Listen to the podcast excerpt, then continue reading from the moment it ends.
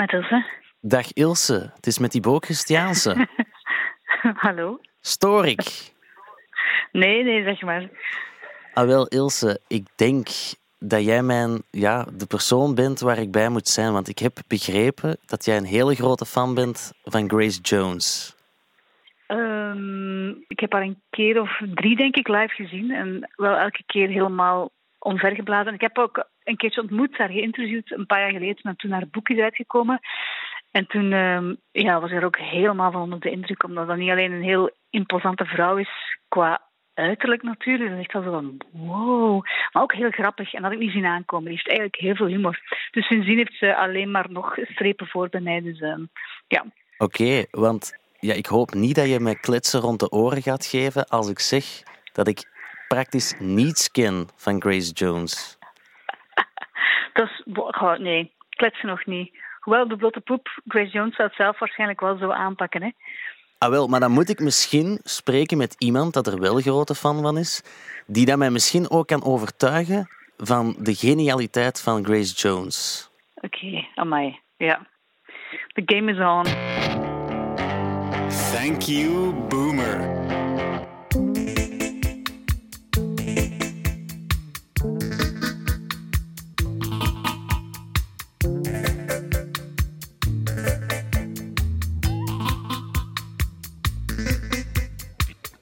Je hoort een stukje van I've Seen That Face Before van zangeres, model en actrice Grace Jones. Grace Jones werd geboren als Grace Mendoza en groeide op in Jamaica. Ze werd pas bekend toen ze als model werkte in Parijs en later kon je ze ook terugvinden in de disco's van New York en stond ze bekend als de Queen of Gay Disco's. Niet veel later, eind jaren 70, startte ze ook een muzikale carrière en werd bekend dankzij nummers zoals Nightclubbing, Pull Up to the Bump en Slave to the Rhythm. Jones werd een icoon van de jaren 80 en staat naast haar muziek ook bekend voor haar zin voor fashion en acteerprestaties in verschillende films.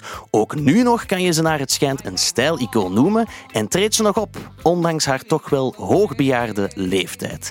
Maar ik ben nog niet helemaal mee. Is Grace Jones niet gewoon die grote, enge vrouw met een zeer lage stem die wat zingt op nummers die ik eigenlijk ook niet zo speciaal vind.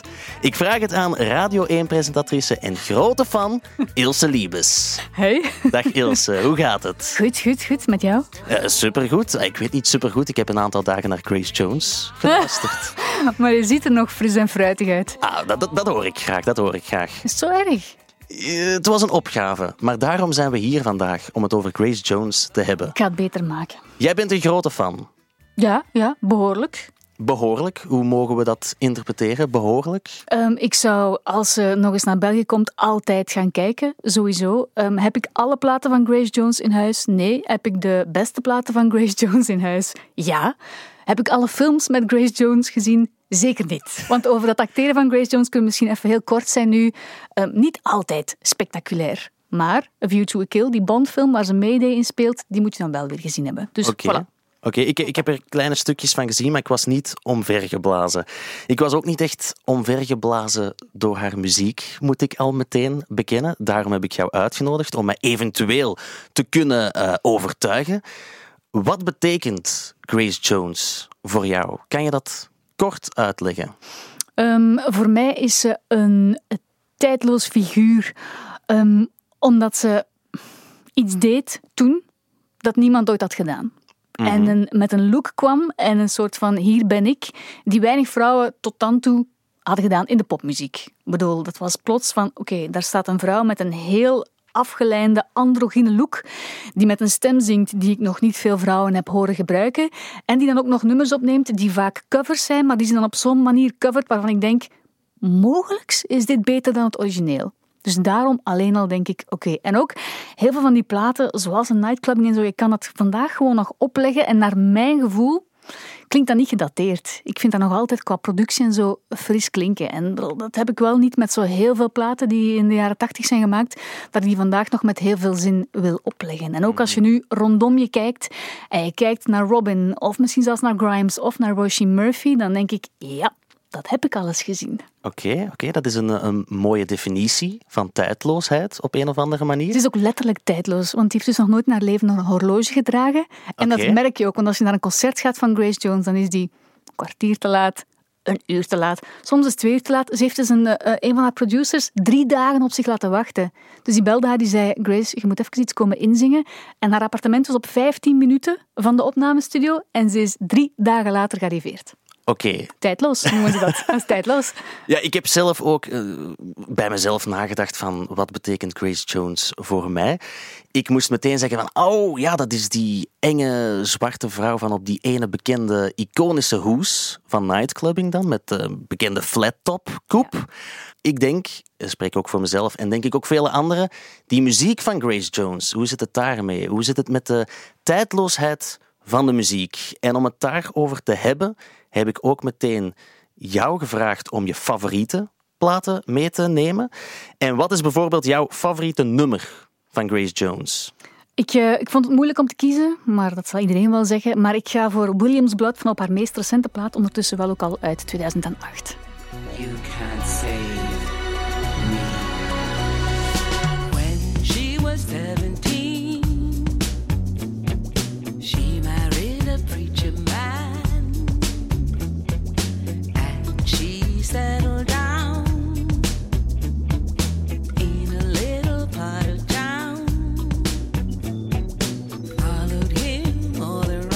Het nummer Williams Blood van het album Hurricane uit 2008. Ja. Ook meteen jouw favoriete album, zeg je. Ja, ik vind naast nightclubbing, ze zijn een beetje aan elkaar gewaagd, maar ik heb dit natuurlijk veel actiever meegemaakt. Dit was het plaat waarmee ze plots kwam. Ze had twintig jaar of zo geen plaat meer gemaakt.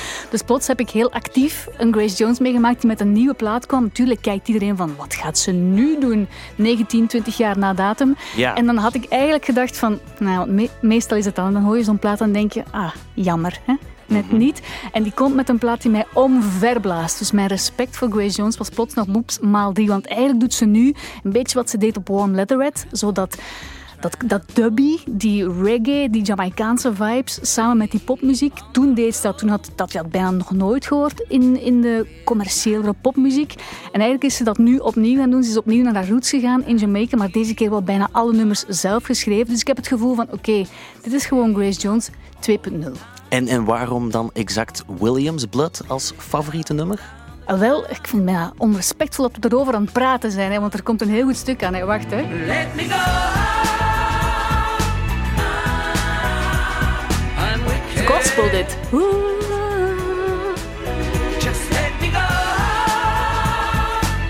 Het, is dus wel de, de sound die het voor jou maakt. Het is de combinatie van alles. Het is ook een, een, eh, een nummer waarin ze praat over haar familie. Ik bedoel, Grace Jones op, op zich, heel veel eh, van haar privé eh, wisten we niet. En dat is ook een deel, vind ik, van het leuke aan Grace Jones. Er is altijd een stukje mysterie nog aan. Je kan dat zelf invullen, zoals je zegt. Valt ze op mannen, valt ze op vrouwen? Ik bedoel, ze is heel veel al met heel veel mannen samen geweest. Dus ik denk wel dat we daar een duidelijke voorkeur kunnen zien. Maar dan nog, maakt het op zich niet uit. Maar er is altijd een stukje dat je zelf kan invullen. Maar nu, op die Hurricane, ging het echt onder andere over haar familie. Want dus die Williams Blood komt, dat is de achternaam van haar mama. Marjorie Williams. Dus het gaat er dan over van, eh, dat ze zegt, ik ben veel meer een Williams dan een Jones. En dan gaat het over eh, de Jonesen die heel gelovig waren, die heel streng waren ook zo. En haar moeder, waar ze dan naar kijkt en zegt van, oké, het heb ik zeker ook van, van jou gekregen. Dus ze zegt, I've got the Williams blood in me. En ze zegt het zo krachtig. Ik, denk wow, dat is een- ik vind dat een cool statement voor iemand die eigenlijk ja, daarvoor zong over dingen die ik wel een beetje kon invullen. Maar nu denk ik, ah ja, dat is heel duidelijk waar het over gaat. En dan klinkt dat misschien een beetje melig, want ze vertelt ook een beetje zo het levensverhaal van haar moeder. Maar ik heb daar, ja, voor mij werkt dat wel. Vooral omdat het zo'n krachtig nummer is live ook. En dan komen die backings daarbij. Dus ja, dan krijg ik kiekenvlees. En Maar ik ben nog niet overtuigd, natuurlijk. Nee. Want ja, elke iconische artiest die heeft een, eh, een boeiende carrière en dus ook een boeiend oeuvre. Dat zouden we toch mogen verwachten. Zeker van iemand zoals Grace Jones. En dan moeten we misschien eens kijken hoe het daar mee zit. En mijn eerste vraag die luidt dan: hoe zou je de muziek van Grace Jones omschrijven? Want als ik het opzoek, ik ben niet zo fan van, van parapluutjes en genres, om die altijd zo te benoemen. Maar ik kwam bij heel veel termen als het over Grace Jones ging. Het ging van reggae naar pop, van new wave tot zelfs postpunk heb ik gelezen. En dan denk ik, hoe zit dat? Hoe zou jij de muziek van Grace Jones omschrijven? Ik vind het onderkoeld en bloedheet tegelijkertijd. Oh, jij, jij gebruikt al geen genres. Dat vind ik al goed. aan. Dat Doe vind ik al goed. trouwens. Nee, maar het is echt, dat, dat is het echt, hè. Eh, voor mij toch, hè. want je hebt altijd zo dat onderkoelde van haar stem, maar tegelijkertijd zijn er bepaalde covers die zij heeft opgenomen. Ehm, bijvoorbeeld die, die Warm Leatherette, dat in het origineel echt zo'n cool en kil nummer is. En zij maakt dan, die- ik denk Dennis Miller of zo is het origineel, en, en zij maakt er dan iets van en plots komt er emotie in dat nummer. Al dan niet onderkoeld, alleen maar, het is altijd zo, het is dubbel, want ik, ik, ze klinkt heel streng, maar tegelijkertijd zit er zoveel kracht in. Ik denk van, wow, dat is wel op zich uniek over al die dingen heen. Want als inderdaad mensen over postpunk en zo beginnen praten, dan gaat het ook natuurlijk over het feit dat ze Joy Division heeft gecoverd. Maar evengoed de Pretenders. En, en, en, en die Libertango ook heeft gedaan. Dus zo, dat, dat gaat alle kanten op. En toch, als je die nummers hoort, dan, lijkt dat voor, dan is dat voor mij niet vreemd. Dan denk ik, ah, tuurlijk zingt ze een nummer van Joy Division. En tuurlijk kan ze dat. Dat is toch niet vaak hè, dat je zo'n een, een cover hoort en denkt, is het daarmee weggekomen? Ehm, maar ik wil ook even vermelden, ze is begonnen met een totaal ander genre, heb ik dan geleerd. En het begon op deze manier.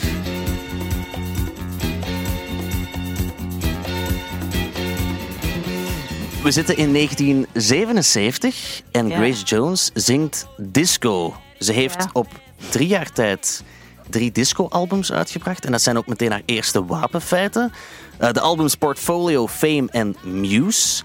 Wat vind je daarvan? Want ik, ik had bij dit nummer zoiets van: oh, is dit ook Grace Jones? Dit vind ik nog wel eh, lollig om eh, op een tentvuif op te zetten om twee uur s'nachts. Ja, dit, ik vind dit niet, zeker niet de essentiële platen van Grace Jones. Maar je snapt van waar het komt. Ze was natuurlijk model, hing heel de tijd rond, ook in de Studio 54. Ehm, zat natuurlijk volop in die discoperiode toen, alhoewel het eigenlijk al naar zijn einde toe ging. Ik ben ook blij dat ze op tijd heeft gezegd, eh, we gaan dat niet meer doen. Of dat Chris Blackwell eigenlijk heeft gezegd, oké Grace Jones, ik weet welke plaat wij moeten maken. En dat is dan die Warm Leatherette geworden. Maar dus dit inderdaad, zij deed toen eigenlijk wat toen in de mode was. Maar Grace Jones moest niet doen wat in de mode was. Ze moest gewoon haar ding doen, met haar stem. En, en, en dat bleek te werken. Ik bedoel, dat is veel tijdlozer dan dit. Want wat we nu horen, er zijn er veel anderen die dat veel beter hebben gedaan. Oké, Kan je niet zeggen van haar volgende platen. oké, oké, dat is al mooi dat je dat zegt, dat anderen het beter kunnen dan Grace Jones. Dit, hè, dit disco-ding, hè. Ja, ja, ja, ja, ja. tuurlijk, Oh. tuurlijk.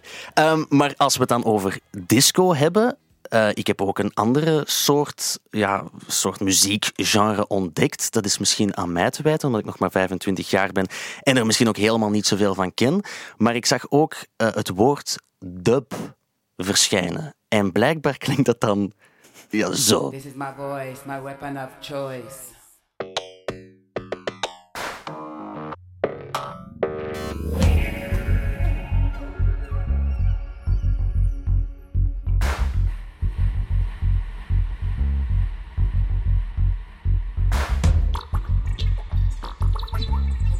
Dan denk ik, hoeveel drugs moet je gepakt hebben om dit goed te vinden? Toch? Het, is, het, het is wel vaak ehm, in één adem genoemd, natuurlijk. Het, het is wel echt Ja, dub is wel bij uitstek zo'n genre waar eh, men een jointje bij opsteekt en er dan dubbel zo hard van eh, zou moeten genieten. Ah wel, want ik ken enkel dub als muziekgenre, als in dubstep. En dan denk ik aan Skrillex en dan denk ik aan, ik wil mezelf liever van kant maken. Nee, nee, nee. Je moet dub echt zien als de, de nog meer relaxte vibe van reggae.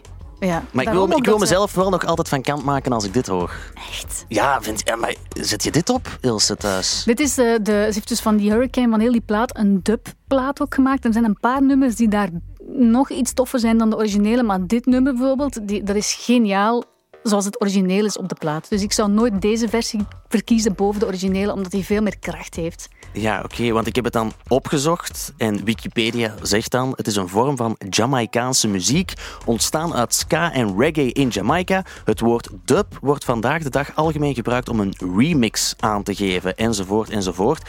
Maar ze komt ook uit Jamaica, dus toen vielen een aantal hele kleine puzzelstukjes toch wel op zijn plaats. Tuurlijk, dat klopt helemaal. En ze werkt ook samen met Sly en Robbie. Dat is wat het bekendste producersduo, de bekendste ritmesectie van Jamaica moet zijn. Dus als die mannen binnenkomen en die pakken een bas vast en de ene gaat achter de drum zitten, dan krijg je automatisch die sound. En dat is ook zo cool aan die drie platen die ze samen hebben gemaakt toen in de jaren tachtig, is dat, dat die popmuziek samenkwam met die ja, onmiskenbare Jamaicaanse sound van Sly en Robbie en van, van Grace Jones ook, die daarvoor eigenlijk altijd probeerde van in haar mooi Engels te zingen, maar die dan op die platen ook denkt, maar ik kan hier gewoon mijn Jamaicaans patois bovenhalen. Patois, ja. En dat gaat nog toffer klinken. En ja, want het is allemaal, wat ik zei, die disco-dingen, daar deed ze iets dat in de mode was. En dan daarna ging ze gewoon dingen doen die zij, zij was. Dat. Zij is Jamaicaans, zij heeft dat in zich.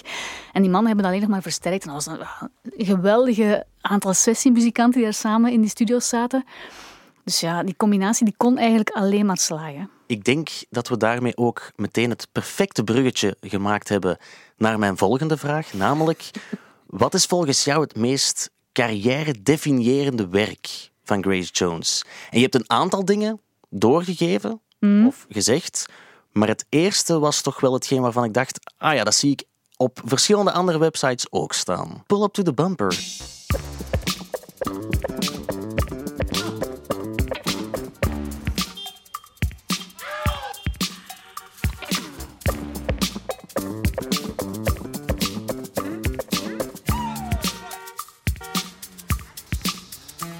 Klinkt toch nog altijd goed? Ik vond dit wel funky, funky klinken. Dat is een ranzige, dubbelzinnige tekst waar ze nooit helemaal duidelijk over is willen zijn, maar het gaat niet over auto's. No way. Maar dit is wel van op het album Nightclubbing, Ja. 1981. En wordt volgens BBC Music een post-punk pop-album genoemd. Maar wordt ook wel meteen haar beste studioalbum genoemd. Volgens jou dan ook Pull Up to the Bumper dan een carrière-definiërend werk. Die Nightclubbing, dat album waar dat, dat nummer op staat. Hoe belangrijk is dat geweest voor haar? Ja, je had eigenlijk zo drie platen na elkaar, kort na elkaar. Ik denk zo 80, 81, 82 of misschien zit ik er een jaar naast. Maar die zijn allemaal elkaar opgevolgd. Was eigenlijk Chris Blackwell van Island Records. Die had gezegd van oké, ik heb een, een visie. Ik denk dat we dit moeten gaan doen. En dan maakte hij dus na elkaar Warm Leather Red en dan Nightclubbing. En dan ehm, Living My Life. Dat was dan de derde. Hè. Dus je krijgt daar zo drie platen allemaal opgenomen in die Compass Point studios. eh, op de Bahama's. Dus dat wordt dan ook de Compass Point trilogie genoemd. En dat is het ook. Je moet eigenlijk zien als een soort van een soort van drieluik. Maar dus waar dat Warm Leather Red denk ik zo een goed opstapje was en waar misschien nog wel een paar nummers op staan waarvan ik denk, hmm, misschien net niet, heb ik dat bij Nightclubbing niet. Ik vind dat elk nummer dat op Nightclubbing staat, met recht en reden daarop staat en allemaal even goed klinken. Maar ja, dat is fenomenale sessiemuzikanten en ook, daar zat een, daar zat een visie achter. Speelt Grace dan zelf ook een gitaar in? Nee, voor zover ik weet niet. Misschien eh, gaat ze mij nog verbazen nu of... eh, dat, nee, denk het niet. Nee, ik heb er ook niks van gevonden. nooit een instrument zien vasthouden ook niet. Dus, nee. Ze, heeft wel, ja, ze schrijft af en toe een nummer mee. En de tekst natuurlijk. En dan, ja, nee, voor de rest, ik denk niet. Dat is een, dat is een, eh, een, een, eh, een instrument beheerst. Ze kan dus geen instrumenten beheersen. Vind ik al ja, een heel slecht, Zeker. slecht teken. Ehm, maar ja, we gaan ze daar niet op eh, afschrijven natuurlijk. We schrijven ze misschien wel een klein beetje af als we dat legendarische album Nightclubbing nemen. En dan eh, meteen eigenlijk tot de conclusie komen dat daar negen nummers op staan, waarvan ze er maar drie meegeschreven heeft. Ja. Dus ik dacht al, Nightclubbing, dat klinkt, dat klinkt toch wel heel bekend in de oren.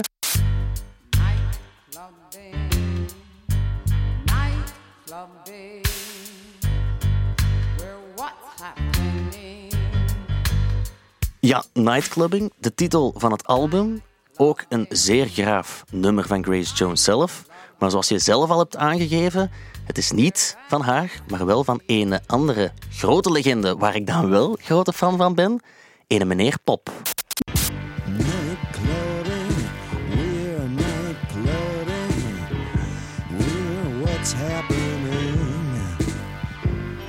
Ja, dat is toch wel een pak beter, toch? Dus je mocht met één van de twee op café gaan, Thibaut. Eerlijk nu. Ja, sowieso. Iggy Pop, kom Maar nee, nee, je weet er niks van. Hè. Je hebt gewoon die twee fragmentjes gehoord. En iemand vraagt, ja, je mag met één van de twee op café. Je weet niet wie dat is, hè? je weet, we kennen Iggy Pop niet en we kennen Grace Jones niet. We hebben gewoon die twee fragmenten gehoord. Mm. En iemand zegt, ja, je mocht met een van die twee mensen op café gaan. Goh, goh. Hallo, dat was precies wat zo kermis eh, dat er achteraan kwam. Dus je hebt zo de, de ballen van... Allee, nee, ik mag niet zeggen de ballen. Maar dus, ja, ik vind dan die dreiging die in, dat nummer van, in de versie van Grace Jones zit, veel indrukwekkender dan... Ik bedoel, mega veel respect voor Iggy Pop. Maar Ja, als ik die best. twee nummers, dan denk ik... Ja, maar ik, Dan kies ik mijn, Grace Jones. mijn punt is misschien wel een beetje van... Het is niet haar nummer. Nee, maar ze zingt het wel fantastisch goed en ze maakt er haar ding van. Want ik kan niet zeggen dat ze het klakkeloos heeft gepikt. Hè. Het tempo is anders, de het, het is een iets wat ander nummer geworden. Dat doet ze eigenlijk met alle dingen die ze covert. En net daarom ben ik zo vergevensgezind ook. Want inderdaad, bedoel, we hebben het hier over legendarische platen, waar dan de helft of meer dan de helft covers van zijn. Ja, dan moet je wel iets doen met die covers, waardoor ik het origineel misschien vergeet. En dat vind ik wel dat ze doet. Ja, dat, dat wil ik geloven, maar ik heb... Geloof het dan maar, het is oké. Nee, maar ik, ik ga toch nog een aantal dingen laten horen. Ja? Zoals het nummer Warm Leatherette, Ja. dat je ook heel goed vond. Dat is ook geen onbekend nummer. Warm. Leatherette. Warm. Leatherette. Het is Daniel Miller met zijn band The Normal en het nummer Warm Leatherette. En in 1980 maakt Jones er dan dit van.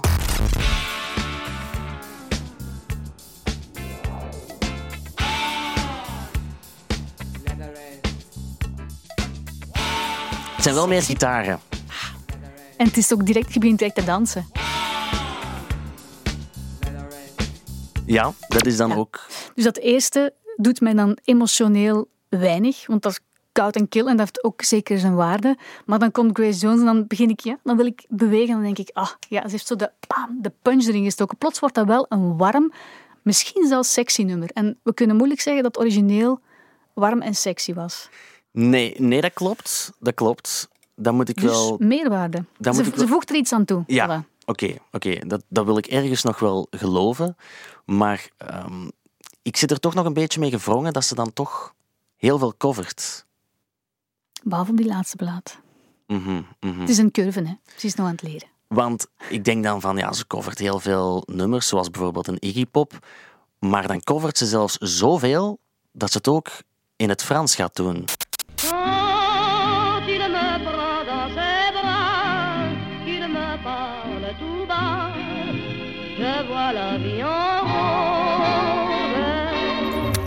De wanhoop helemaal voorbij. Besluiten, ik ga ook Franstalige nummers coveren. En ik ga Edith Piaf ook voor mijn rekening nemen.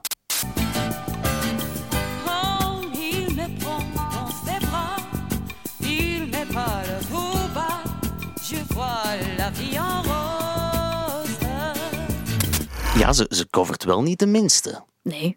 En ze kan het ook allemaal. Hè. Dus praat vlekkeloos Frans. Daar zit Jean-Paul Goude natuurlijk voor veel tussen. Maar, dus ja, het kan, maar dit is zelfs nog, dit is nog van voor de drie legendarische platen waar we, nu, waar we het nu over hebben, denk ik. Ehm, maar als je dit doet natuurlijk, dan val je, dan val je wel op. Mhm. Want dan hoor je iemand iets doen, een soort van bossa nova versie. Als je dat papier voor je krijgt, dan zeg je nee. Nee, nee, dat gaan we niet doen. Hè. Dat gaan we toch niet. Ja, toch, ja, niet La Bossa Nova, La Via gaan we niet doen. En dan doet ze het en dan denk ik, ja, gets away with it. Vind je Het is wel ook... niet mijn favoriete nummer of zo. Oké, oké. Ehm, ik heb haar naam bijvoorbeeld dan ook ingetipt op YouTube, het wereldwijde web. en het eerste nummer dat er kwam was I've Seen That Face Before. Maar blijkbaar is dat dan ook weer een bewerking van een stukje tango Ja. uit 1974.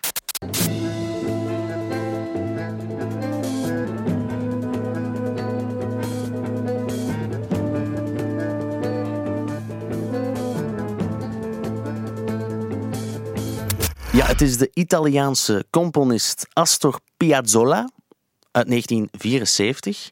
En zij maakt er dan ja, eigenlijk wel een van haar bekendste nummers mee, toch? I've seen that face before. Strange, I've seen that face before. See him hanging round my door. Snap je waar ik naartoe wil? Dat er toch wel heel veel covers zijn in haar Zeker. hele zotte, iconische oeuvre. Ja, er zijn nog wel een aantal iconische artiesten die we het meeste kennen door coverversies. Jeff Buckley, ik zeg maar wat, staat in de tijdloze met. Halleluja, waarschijnlijk heel erg hoog. Niet zijn nummer. Mhm. Prachtige versie wel. Niet zijn nummer. Diane van Therapy, niet hun nummer. Sinead O'Connor, Nothing Compares to You, niet haar nummer. Oké, dat zijn wel de argumenten die ik wil horen in dit eh, Voilà, gesprek. Dan zijn we klaar, denk ik. Ja, nee, ik, ik snap het, ik snap het, ik snap het. Daar- daarmee ook dan die laatste plaat, dat ik zo blij was dat ze met die Hurricane een plaat heeft gemaakt die eigenlijk ook dat soort twijfels van, wacht, maar kan Grace Jones wel iets schrijven? Kan ze nog altijd relevant zijn? Want ze was, wow, ik denk 60, 1, 62 toen ze, die, toen ze die Hurricane maakte. Het was 20 jaar geleden. En dan denk ik, oké, maar dan komt ze wel met een plaat. Waar, en het antwoord is gewoon, ja, dat is gewoon een goede plaat. Mhm, mhm. Iets anders waar ik dan wel door omvergeblazen werd, was haar ehm, gevoel voor fashion en kunst. En naar wat ik gelezen heb, toch ook wel een van de voornaamste redenen waarom ze zo bekend en iconisch genoemd wordt. Ze heeft met Jean-Paul Goude, haar toenmalige echtgenoot, die nightclubbing hoes gemaakt. En ze heeft dan ook, eh, hoe heet het, one-man show gedaan. En dat was dan een soort van performance art stuk, waarin ze allemaal videoclips heeft verzameld van live performances. Waar ligt die grens volgens jou tussen haar muziek en dan die, die fashion kunst, om het zo te noemen? Er is geen grens. Dat is net het leuke. Het hoort samen. Het is het, eh, het eh, volledige pakket, zoals dat bij de meeste artiesten zo is. Dat je het een niet los kan zien van het andere. Ehm, en in haar geval, ze heeft ook altijd gezegd, ze is, ze is veel meer, want eh, haar grote droom was altijd om actrice te worden. Ze heeft ook echt acteerlessen en zo gevolgd. Veel meer dan, dan muzikale is eigenlijk een beetje eerder toevallig gekomen, want ze ging dan ja, wat modelwerk doen om gewoon de eindjes aan elkaar te kunnen knopen en ze is er op die manier ingerold. Maar dus dat acteer, dat theatrale zit er heel hard in. Dus wat zij doet is voor mij ook vaak zo'n concert van Grace Jones is eigenlijk een, een, een beetje een soort van theateropvoering. Dat is ook een klein beetje een personage op dat moment waar je naar kijkt. Kijkt, er zit wel heel veel kern van waarheid in, maar het is allemaal uitvergroot. Maar als je ziet ook ja, in welke middels dat ze zich waarin ze rondhing toen in die tijd. Dat was met, met Andy Warhol en met Keith Haring en Blondie. En ja, die kliek zo allemaal. Dus dat waren allemaal heel artistieke mensen. En ik denk dat zij daar met recht en reden ook tussen staat, stond, staat, met een, met een visie op, op van niet alleen hoe moet mijn muziek klinken, maar ook eh, wat wil ik overbrengen, hoe wil ik eruit zien en vooral tegen wie zijn schenen kan ik hier eh, schoppen. Want op zich, het is een vrouw, ja, het is te nemen of te laten. Hè. En dat, is, dat is net zo cool. Ze deed dingen die toen echt, dat was helemaal niet zo voor de hand liggend. Die albumhoes van Nightclubbing, ik bedoel, Annie Lennox en zo bij Eurythmics, dat is, dat is daarna nog allemaal. Die ook doen dat kort haar en dat mannelijke. En nu denken we, ah ja, tuurlijk, ja, androgyn, hallo. Hè. Ja, maar ja. we spreken wel 30 jaar geleden. En er moet altijd iemand het eerste zijn. En ik bedoel, daardoor alleen, als was ook een van de allereerste ehm, vrouwelijke zwarte topmodellen ook. Dus ze is in veel momenten van haar leven, denk ik wel... Allee, toch, be- toch belangrijk geweest in, in, in het vakgebied waar ze dan, dan in zat. En ook vandaag nog, bedoel, als Grace Jones zegt ik ga muziek maken of ik ga... Mensen kijken wel van, ik wil toch zien wat ze doet. Behalve jij. Behalve ik. Behalve. Maar blijkbaar is ze dan ook wel ja, een grote inspiratiebron geweest voor andere. Allee, als ik zo op YouTube zat en ik keek naar de comments, dat is altijd een heel leuk eh, gegeven dat je dan hebt, de comments. ehm, zag ik heel vaak comments in de trend van eh, Before Madonna of Before Lady Gaga, Before eh, Beyoncé, Rihanna, noem maar op, alle bekende popsterren. There was Grace Jones. Ja. Zij zou zo wat de voorloper geweest zijn van alle andere divas die haar na zijn gegaan. Denk je dat dat waar is? Ik weet niet of ze zozeer, zozeer diva is en of dat die andere vrouwen die je nu noemt ook allemaal dan per se als diva's door het leven moeten gaan. Maar ze was natuurlijk wel een van de, van de allee, in de popmuziek, een van de eerste echt sterke, uitgesproken vrouwelijke figuren. Ik bedoel, en ja, hoe moet ik het nu juist verwoorden? Ja, ze was gewoon een van de eerste die carrément haar goesting deed. Echt gewoon, ehm, take it or leave it, dit is wat ik doe. Ehm, Ik, ik kan me van daarvoor, ja, inderdaad, je had, je had mensen als, als Blondie en Patti Smith en dat soort figuren, maar het gaat hier over iemand die in de hitlijsten staat, die een groot commercieel succes heeft qua popgehalte dan, maar die tegelijkertijd, vind ik, ook heel artistiek is en ook altijd wel trouw is gebleven aan de artistieke. Als je nu naar een show gaat kijken van Grace Jones, ziet er niet al bollig uit. Hè. Dat, is, dat is in orde. Ik bedoel, en ja, dat is met drie klerenwissels. Misschien heeft ze daar toch wel de basis gelegd voor een aantal dingen die Lady Gaga en Rihanna daarna hebben overgenomen. Maar bedoel, ze heeft daar wel ook ja, altijd aangegeven hoe belangrijk dat ze dat geheel vindt. Het is niet alleen wat je hoort, zo'n show. Het is ook gewoon wat er op het podium gebeurt. En dat heeft ze denk ik wel, ja, dat, deed, ze, dat deed ze toen al en dat doet ze nog, nog altijd. En dat is wel, allee, ik heb mij nog nooit verveeld tijdens een Grace Jones concert. Geen compromis. Als, als Grace Jones eh, ergens gaat optreden, dan moet ze op voorhand betaald zijn. Liefst cash. Cash? Gebeurt, for real. Huh? Gebeurt het niet, dan, dan gaat die gewoon niet. Maar cash, hoe, hoe loes is dat? Ik denk dat dat ehm, in de jaren 80 en 90 iets couranter was dan, Ja, dan maar- tegenwoordig. Ik weet niet of ze het nu nog doen of, dat, of dat ze er nog mee, mee weg zou geraken.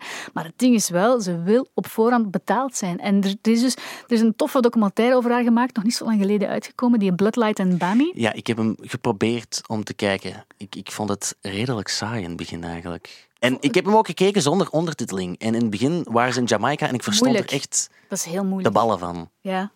Dus ja, dan heb ik hem maar afgezet. Ja, ik snap het. Dus in, in die documentaire is er, een, eh, is er effectief een scène dat ze in haar, eh, in haar hotelkamer staat en die is klaar, hè? die is geschminkt, die staat daar in, in vol ornaat en gewoon echt woest zelf ook. Dat vind ik wel goed. Die zijn zelf aan de telefoon. Hè? Dus dat is geen manager, geen go Dat is gewoon Grace Jones die zelf belt naar die mensen die daar aan het podium, ik weet niet hoeveel kilometer verop, op haar aan het wachten zijn en zelf zegt, nee, dat is niet de deal.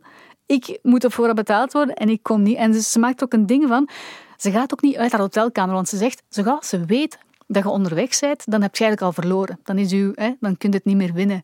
Dus die blijft dan in die hotelkamer zitten totdat het in orde is. En dan, ze heeft echt al zo'n concerten niet gespeeld, hè, omdat dat dan gewoon op het laatste moment niet in orde kwam. En zoiets had van, oké, maar dan doen we het niet. Ja, dat ze geen katje is om zonder handschoenen aan te pakken, dat merkte ik ook uit een filmpje van een live interview.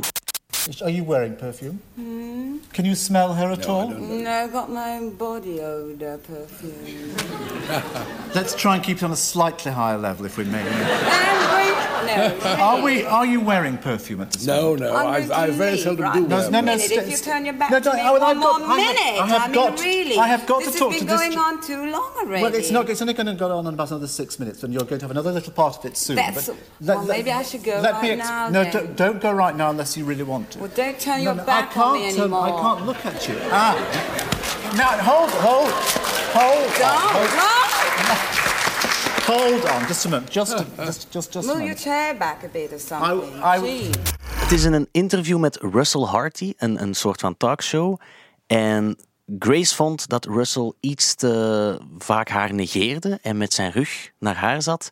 En dan heeft ze hem gewoon maar een paar kloppen uitgedeeld. Kan je op YouTube bekijken. Ja. Vond ik dan wel heel cool. Ja, mogelijk is ook niet helemaal nuchter natuurlijk. Hè? Nee, maar dat, dat, zien we door de vingers. Hè. Dat zien we door de vingers. Ja, als, als, als we het moeten hebben over spraakmakende dingen of over anekdotes, ja, dan zijn we morgen nog bezig. Ik weet het, ik net weet omdat het. ze zo... eh, ik denk ook vaak dat ze heel impulsief ook dingen kan doen of zoveel energie ook heeft. Ze zegt ook vaak, hè, dat podium heb ik echt nodig, want ik heb zoveel energie en ik kan anders nergens kwijt. Dus ik, ik leef ook om op dat podium te staan.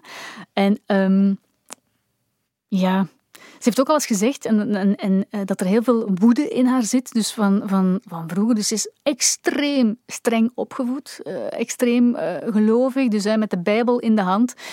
Haar ouders zijn naar Amerika verhuisd. Zij is nog een tijd in eh, Jamaica gebleven. Dan werd ze opgevoed door de mama van haar mama, dus door haar oma. En die, haar man, die Maas P wordt genoemd. Patrick, denk ik heet. Maas P. En die heeft hun echt die heeft hun mishandeld. Dus die kregen echt slaag met de Bijbel, slaag met de, met de gordel, omdat ze, omdat ze niet braaf genoeg waren, omdat ze niet deden wat die man wilde. Dus die heeft echt een soort van, ja, verschrikkelijke eh, jeugd gehad. En ze heeft dan achteraf gezegd, als ik nu kijk naar beelden, als ik op het podium sta en ik zie mezelf echt zo raging en die boosheid, ik zie hem staan. Ik denk dat ik, dat ik hem nadeed op die momenten. Tuurlijk heb je schrik, want Grace Jones is iemand aan het nadoen die haar heel lang heeft geterroriseerd. Dus het klopt voor mij ook allemaal wel. En ook dat zo iemand dan op momenten zo denkt, ik word hier genegeerd, zoiets heeft van, dit niet meer. En dat heb ik wel in, in heel haar... Ja, als je zo haar, haar leven bekijkt, dan denk ik van, oké, dat is iemand die heel goed weet wat ze nooit meer wil. we gaan het straks nog hebben over hoe het live eruit ziet. Want je hebt ze een aantal keer live gezien. Maar voordat we dat doen, moeten we het ook hebben over de woorden die ze zingt. Lyrics, het is toch iets vrij belangrijk bij tijdloze artiesten. En ik heb jou ook gevraagd wat jouw favoriete lyrics zijn. Welke zijn dat? Heb ik pull up to the bumper gezegd? Ik denk het wel.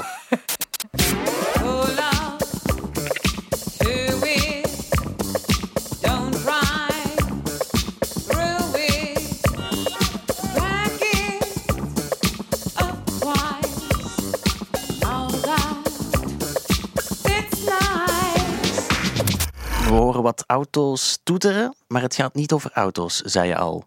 Nee, het, eh, het, ehm, ja, bedoel, ze, ze willen het niet gezegd hebben, maar het gaat over analseks. Het Anale kan, het oh, kan niet anders. Anale seks. Ik ga toch even voorlezen wat ze zong in het fragment van daarnet. Mhm. Pull up to it, don't drive through it. Back it up twice, now that fits nice. Ja, gaat zeker over een file. Ja, ik vind het eh, ik, vreemd om te interpreteren, maar dan heb ik toch ook een beetje verder geluisterd en hoorde ik deze profetische woorden.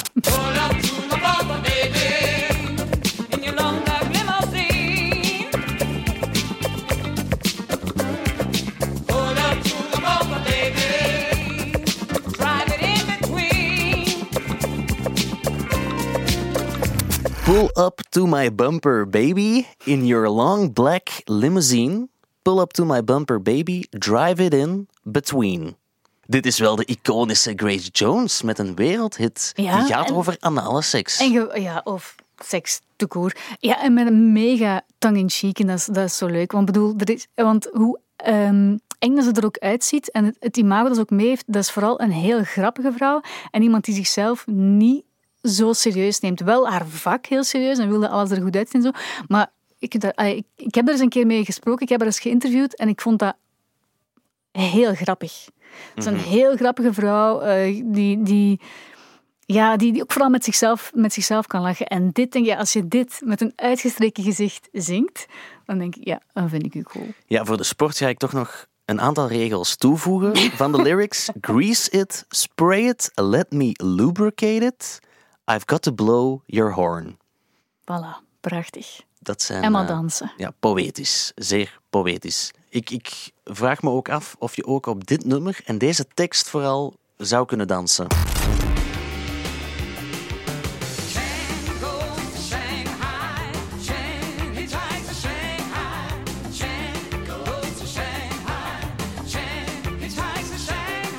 En zo gaat het nog een minuut verder. Ik vertaal voor de luisteraars thuis.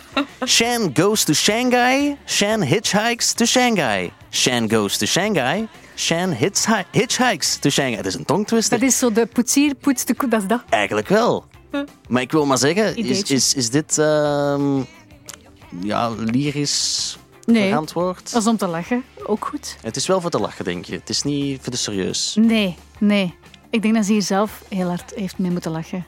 Mhm. En denkt, ik kan ermee weggeraken, dus ik ga het gewoon doen. Oké, maar dan is dat ook wel Toch? meteen uitgeklaard. En ben ik blij dat ik het niet te serieus moest nemen. Want ik dacht, wat voor een nummer is dit? wat voor een nummer is dit? Nee, ik denk dat alles met een korrel zout mag. De muziek en tekst, ja, die kunnen dan wel goed zijn, of, of snor zitten, of iconisch genoemd worden. Maar we mogen zo'n iconische artiest toch pas iconisch noemen als het ook live staat als een huis. En jij hebt Grace Jones al meerdere keren live gezien. Mhm. Waar bijvoorbeeld? Ehm, in de AB een keertje, dan op eh Werchter en eh Suikerok ook eens. Waar ik toen ook, ik was daar, ehm, ik presenteerde daar, dus ik heb een stuk van de, van de show zo van in de coulissen kunnen zien. Wat op zich ook wel heel leuk was, want ook daar is alles, heeft ze alles heel strikt onder, eh, onder controle. Dus zo, tijdens zo kledingwissels, ja, dat is, ah, I love it. En dan sta ik daar zo in een hoekje te kijken van, ah, niemand ziet mij ik kan gewoon blijven staan. En dan komt hij echt ja, als een soort van wilde vrouw dat podium afgestormd. En dan terwijl dus mensen ja, kleren van haar afhalen en er terug opsmijten, want dat moet dan allemaal redelijk snel gaan, is die echt nog instructies aan het geven. Yes, but the light there and I told you. En dan is ze echt zo kwaad op de mensen rondom haar, omdat er dan een spot niet helemaal juist hing, of dat er dus dan is er iets dat, dat niet goed is. En dan, dus ik denk wel dat ze heel hard wil deliveren ook. En dat ze dat zo graag doet en zo goed wil doen, dat elk detail belangrijk is. Echt zo, you had one job. Daar kwam het eigenlijk op neer. Dus het was echt zo aan briesen tegen die mensen. Dus die kledingwissel duurt dan zo, wauw, zes minuten of zo. En dan gaat hij terug het podium op. Hup, big smile. Volgend nummer inzetten. dacht ik, wow. En dat, echt, dat volledig concert ging zo. Je vindt het goed, maar ik denk dat er ook wel andere redenen zijn waarom je Grace Jones net zo graag live ziet. Ik heb Grace Jones alles aan het werk gezien en het toffe daaraan is dat die, ja, die muziek is fenomenaal natuurlijk, maar die vrouw aan zich is ook fenomenaal. En die is vooral ook een beetje onvoorspelbaar en wispelturig. En je weet op voorhand nooit helemaal hoe het gaat uitpakken. Toont ze haar borsten? Gaat ze haar borsten niet tonen? Dat soort belangrijke festivalvragen. Het gaat ze over de borsten. Nu, nu zijn we er, ja. Het gaat Basically, over de... kom, ja, basically ga, ik, ga ik gewoon voor eh, de borsten naar Grace Jones kijken. Ik, ik geef het toe.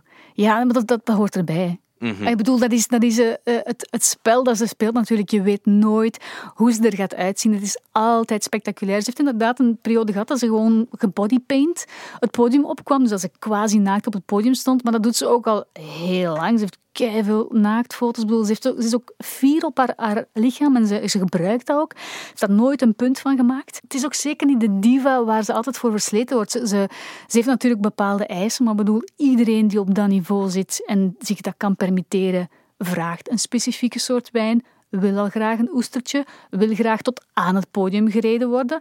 Alleen het ding is dat het dan zo een vrouw is zoals Grace Jones, dan wordt dat plots zo de uberdiva. Terwijl over alle mannen die dezelfde eisen hebben en witte M&M's willen, Maar- horen we dat dan vaker niet dan wel. Ja, ik. maar ze is niet altijd super simpel of, of makkelijk om mee om te gaan. Dat zij ook ene Mark de Kok, programmator in de AB. Om negen uur showtime. Haar zoon deed voorprogramma.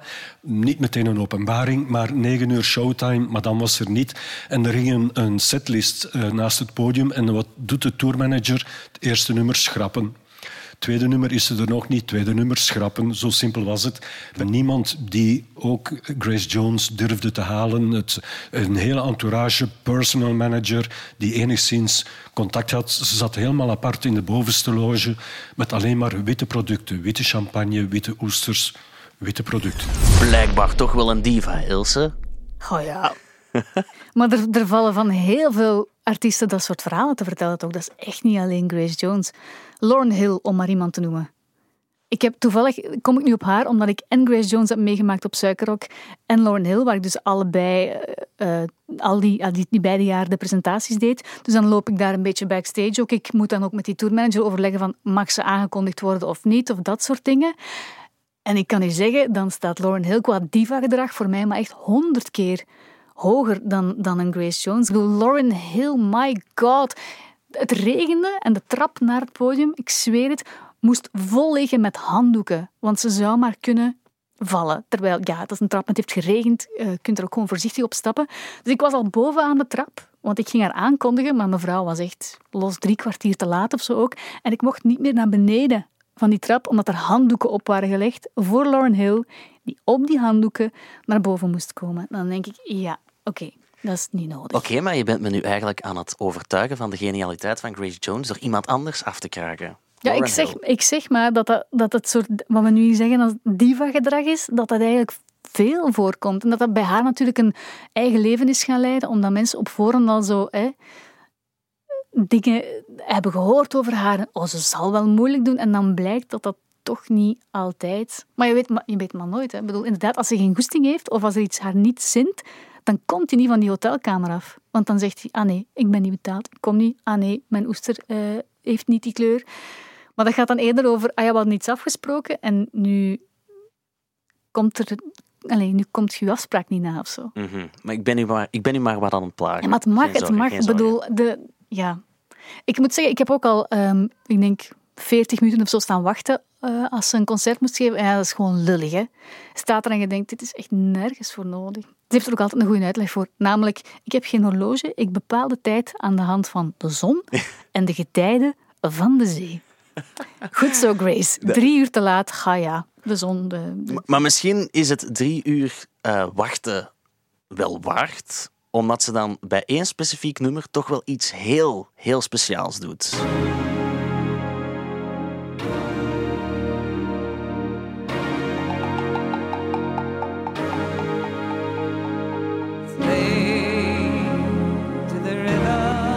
Het nummer Slave to the Rhythm.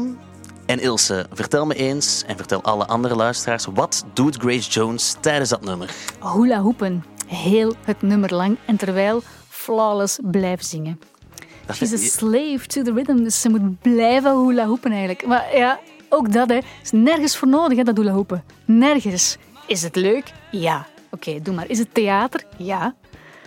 Ik heb, ik heb wel een filmpje gezien, eh, ik denk van Gent Jazz of zo, kan dat? Ja, kan. Waar dat ze negen minuten lang hula hoept en dit nummer zingt. Ja. Dat is echt zot, want dat is één moeilijk om zo lang te hula hoepen. En dan ook nog, ook nog te zingen. Maar bedoel, die is, die is in topconditie. Ik bedoel, die werkt aan de lijf. En dat kun je er ook aan zien.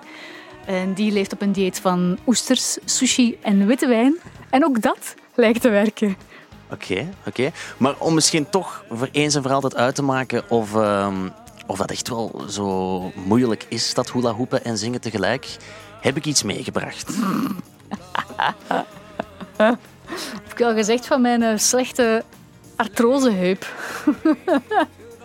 Het, het is natuurlijk auditief, zo'n Ja. podcast, maar ik heb hier in mijn hand een rode hula hoep.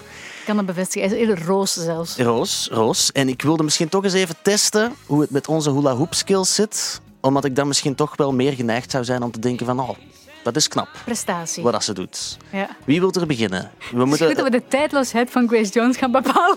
Aan de Ja, hand van ja, tuurlijk. hoe moeilijk hula hoop is. Het hoort erbij, ik snap het. Maar ik ga het proberen te beschrijven als jij het doet. En jij gaat het beschrijven als ik het doe. Zoals, eh, ja, zodat de mensen thuis kunnen, ja, zich kunnen inbeelden Zich hoe we ons hier belachelijk maken in de, De ellende studio. kunnen zich inbeelden. Ja, dat is goed. Ja, ik wil wel. Ik laat jou beginnen. Ja. Ilse neemt de roze hoepel van mij over. En we gaan nu even kijken hoe het zit met haar hula hoop skills. Ze begint en ze is gevallen. Ik denk dat je het gehoord hebt. Wacht, hè. Ze gaat nog eens proberen.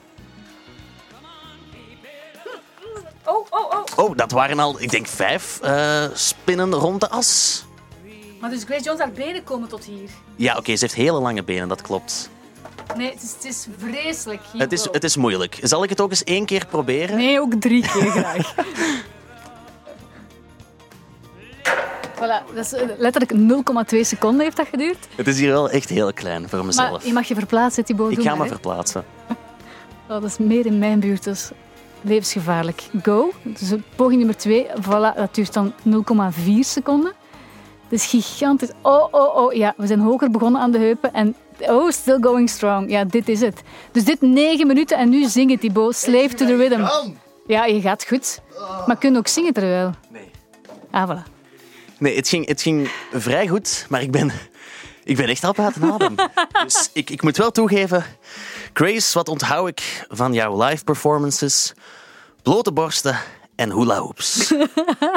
ja, vele tijdloze artiesten die worden tijdloos genoemd, omdat ze al een hele carrière achter de rug hebben. Maar wat brengt de toekomst? Hoe gaat het met Grace Jones vergaan? Want ze is al 72 jaar oud. Zeggen ze. Er is niemand die echt helemaal zeker is van de leeftijd van Grace Jones. Ze heeft daar zelf ook ooit over gezegd. Ehm, als je echt mijn leeftijd wil weten, ga je het aan de FBI moeten vragen. Ze ziet er alleszins nog wel supergoed uit. Dat is ongelooflijk, maar dat is nu echt, dat lijkt echt alsof de tijd geen vat heeft Ja, dat die vind, vrouw. ja, dat vind ik echt straf. Ja. En dan zeker omdat ze nog kan hula hoepen en zingen. Ze geeft, ze geeft, nog, ze geeft nog altijd live shows wel. En ik heb Ja. gezien dat ze ook deze zomer nog ging spelen. Ze gaat dat dan verzetten naar 2021 natuurlijk. Maar dan denk ik van, oh jong, die is niet te stoppen. Nee, nee, die gaat ook niet stoppen. Die gaat niet stoppen. Toen ik eh, haar heb geïnterviewd, dat ging dan over haar, eh, haar boek. Dat trouwens, dat, haar, eh, haar memoires heette I'll never write my memoirs.